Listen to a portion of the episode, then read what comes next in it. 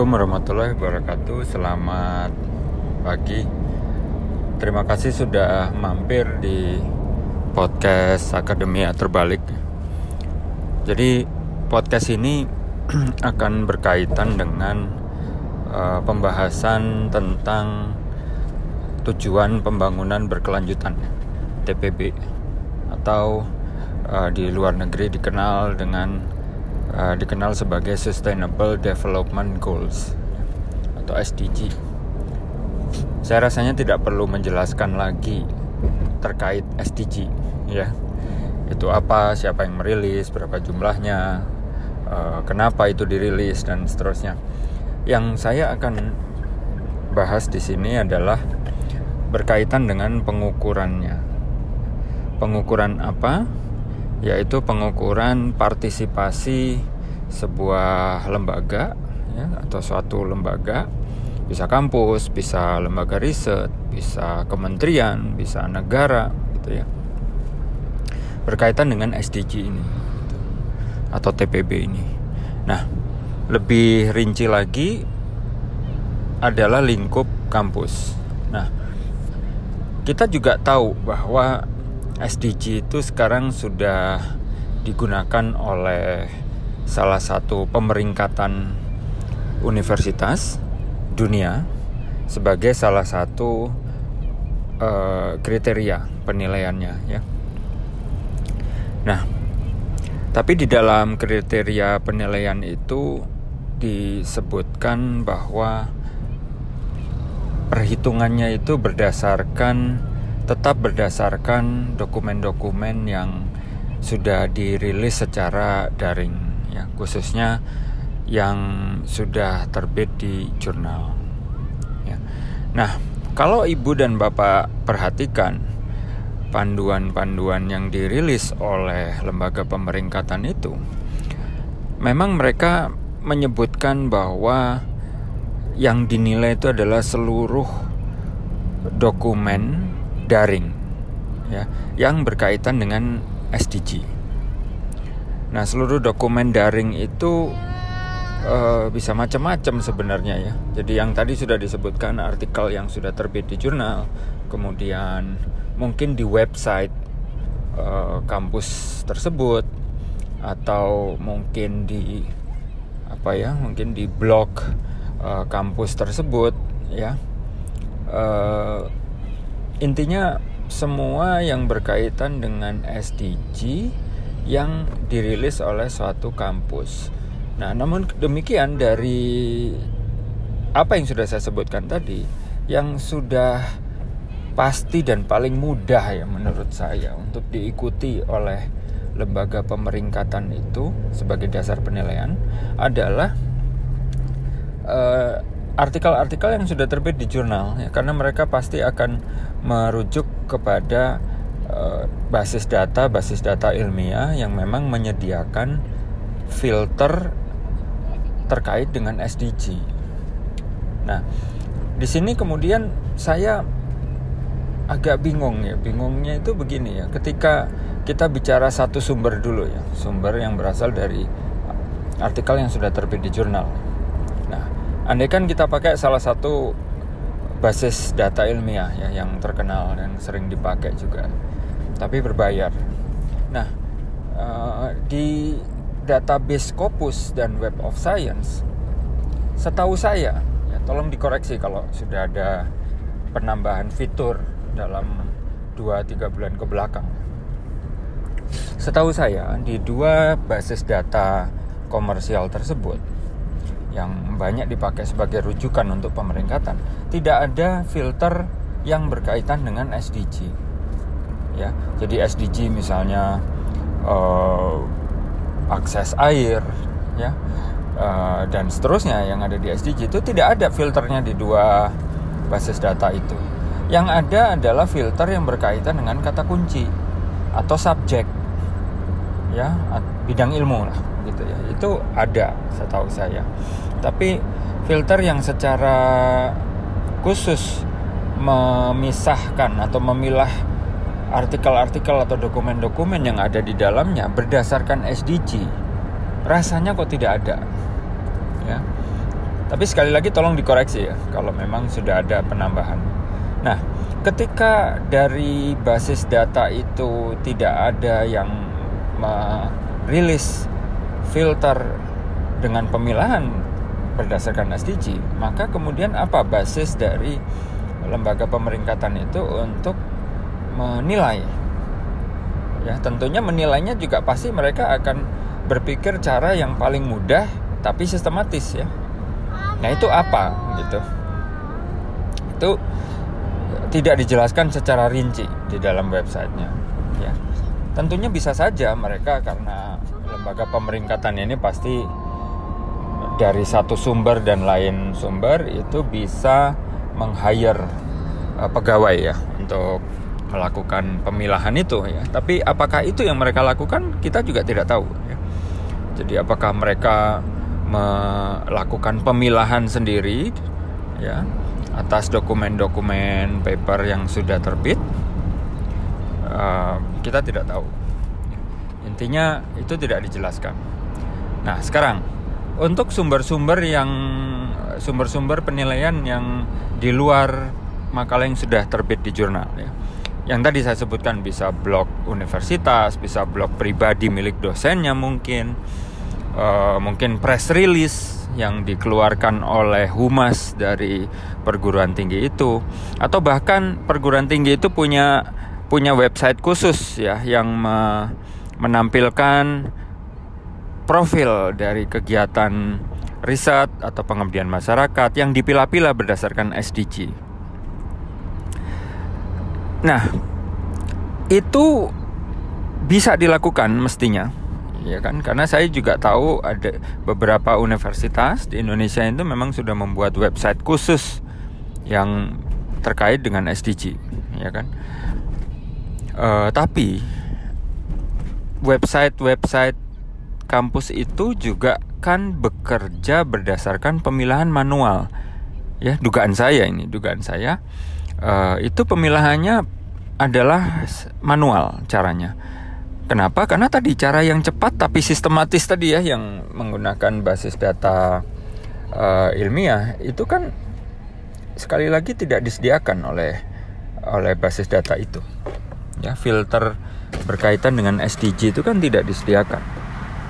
Jadi pihak perguruan tinggi ketika merilis website ber, berkaitan dengan SDG ya, aktivitas SDG yang dilakukan oleh perguruan tingginya kemungkinan besar mereka melakukannya secara manual ya manual itu bisa saja mereka punya tim begitu ya yang yang memilah begitu ya atau mereka mengundang partisipasi dari para dosen warganya ya warga kampusnya untuk memasukkan data jadi mungkin ya mungkin makalah apa saja yang sudah mereka terbitkan, kegiatan apa saja yang secara real berkaitan uh, dengan SDG yang sudah dilakukan atau misalnya mereka sudah melakukan seminar-seminar tertentu yang temanya berkaitan dengan SDG gitu ya.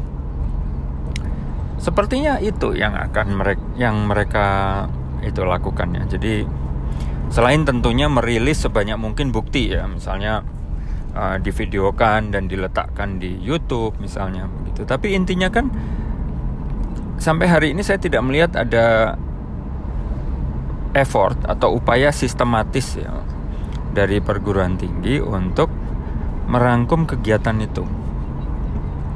Ya kan? Setiap perguruan tinggi pasti punya cara sendiri-sendiri ya, tidak ada masalah. Artinya kan uh, ya tidak ada kesetaraan sebenarnya gitu ya. Ada yang memang intensif begitu ya menangani kegiatan ini, ada yang tidak. Ya, itu satu level ya, ketersediaan data. Nah, pada tingkat berikutnya kalaupun uh, lembaga pemeringkatan ini menilai tadi ya upaya-upaya dari perguruan tinggi untuk me mendaringkan uh, kegiatan SDG-nya tapi tetap ada subjektivitas menurut saya. Jadi lembaga pemeringkatan bagaimana cara pem, lembaga pemeringkatan tersebut memilah website begitu ya dari perguruan tinggi kemudian men, menilai misalnya apakah dijumlahkan ya kan kegiatan-kegiatan itu dijumlah begitu kemudian secara akumulatif kemudian entah dibikin pembobotan atau bagaimana itu juga tidak secara jelas di disampaikan di dalam kriteria penilaian ya. Yang jelas mereka meminta agar seluruh bukti-bukti itu eh, semaksimum mungkin bisa didaringkan dan bisa di dicari agar mereka bisa temukan gitu ya secara daring mestinya. Apalagi di zaman pandemi ini karena mereka yang jelas tidak melakukan kunjungan ke universitas-universitas yang mereka nilai. Jelas itu. Tidak mereka tidak melakukan kunjungan ya. Atau mungkin mereka juga me mencari responden begitu ya. Mencari responden gitu dari universitas-universitas itu uh, untuk menilai mungkin ya. Itu juga bisa terjadi karena selama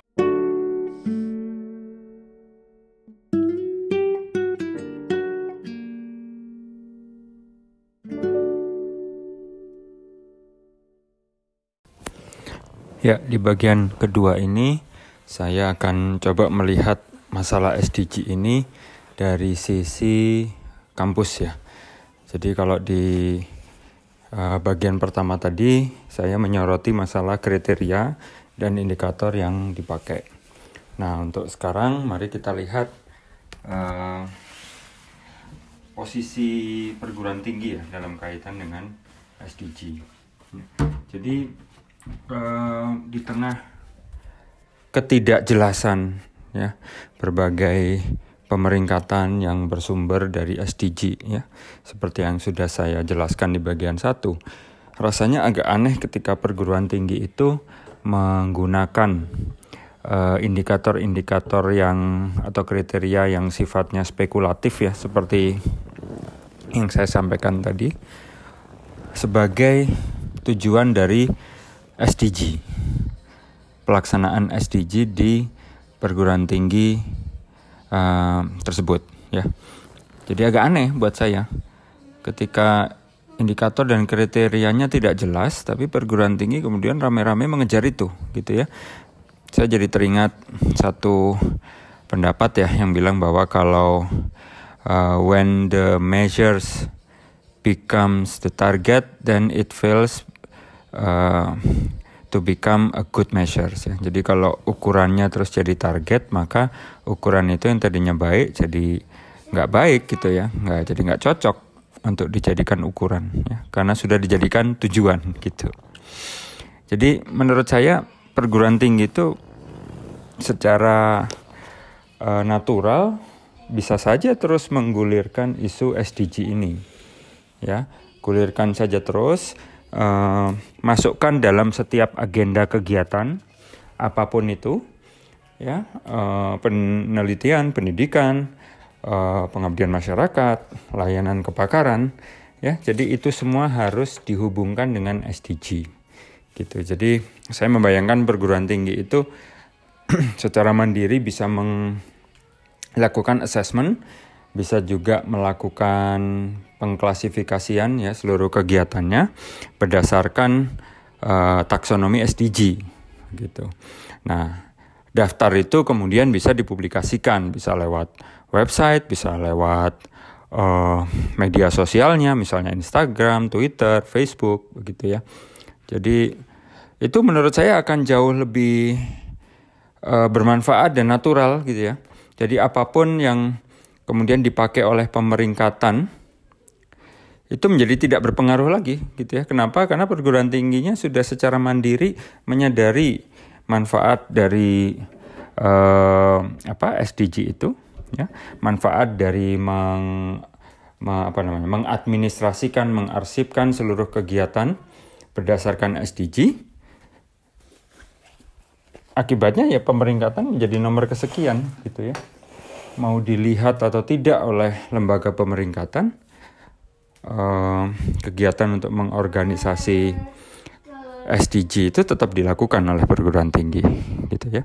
Jadi sekali lagi menurut saya perguruan tinggi itu akan jauh lebih strategis posisinya ketika melakukan inventarisasi SDG secara reguler saja. Ya. Secara reguler, secara sistematis, uh, secara tekun begitu ya.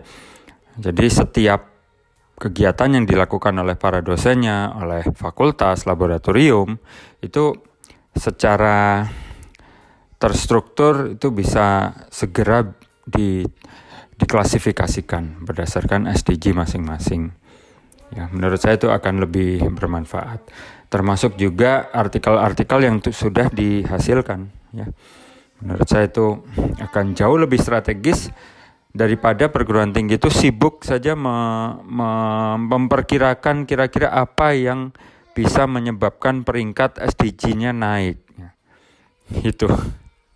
Nah, kemudian eh, pada level peneliti, menurut saya akan jauh lebih bermanfaat kalau level peneliti, dosen itu juga mendukung program natural dari perguruan tingginya masing-masing terkait SDG dengan cara selalu membawa misi SDG itu di setiap kegiatannya juga begitu ya. Disisipkan dalam setiap dokumen laporan misalnya disisipkan di setiap dokumen publikasi gitu ya.